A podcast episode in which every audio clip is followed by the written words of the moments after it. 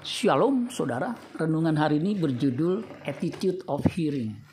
Markus 4 ayat 9. Dan katanya, siapa mempunyai telinga untuk mendengar, hendaklah ia mendengar. Di akhir Yesus menceritakan perumpamaan tentang seorang penabur. Ia mengatakan, siapa bertelinga untuk mendengar, hendaklah ia mendengar. Apa yang kita dengar akan mempengaruhi pertumbuhan iman kita karena iman timbul dari pendengaran, pendengaran akan firman Kristus. Itulah sebabnya Tuhan Yesus menegaskan untuk memperhatikan apa yang kita dengar. Markus 4 ayat 23 sampai 24. Barang siapa mempunyai telinga untuk mendengar, hendaklah ia mendengar.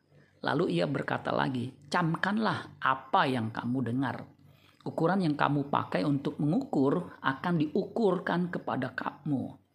Dan di samping itu akan ditambah lagi kepadamu. Apa yang kita dengar akan mempengaruhi hidup kita. Firman Tuhan seperti apa yang kita dengar.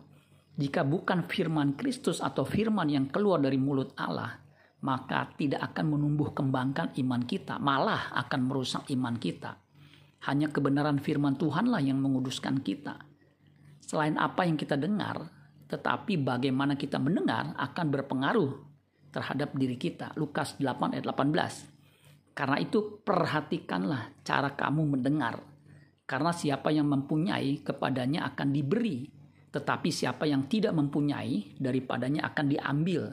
Juga apa yang ia anggap ada padanya. Cara kita mendengar firman berhubungan dengan hati kita atau respons kita. Apakah kita menyimpannya dan melakukannya? Lukas 8 ayat 15 yang jatuh di tanah yang baik ialah orang yang setelah mendengar firman itu menyimpannya dalam hati yang baik dan mengeluarkan buah dalam ketekunan. Versi mudah dibaca Lukas 8 ayat 15 dikatakan dan benih yang jatuh di tanah subur adalah mereka yang mempunyai hati yang baik dan jujur. Ketika mereka mendengarkan ajaran Allah, mereka ingat itu terus mereka taat kepada ajaran Allah dan menghasilkan buah dengan ketekunan. Bagaimana kita bisa menyimpannya dan melakukannya? Kita harus mendengar dengan fokus dan atentif, penuh perhatian dan minat, serta mengingatnya terus hingga kita mengerti lalu berbuah. Matius 13 ayat 23, yang ditaburkan di tanah yang baik ialah orang yang mendengar firman itu dan mengerti. Dan karena itu ia berbuah ada yang 100 kali lipat, ada yang 60 kali lipat, ada yang 30 kali lipat. Hanya firman yang keluar dari mulut Allah yang direspons dengan baik akan menghasilkan buah berlipat kali ganda. Amin buat firman Tuhan. Tuhan Yesus memberkati. Sola Gracia.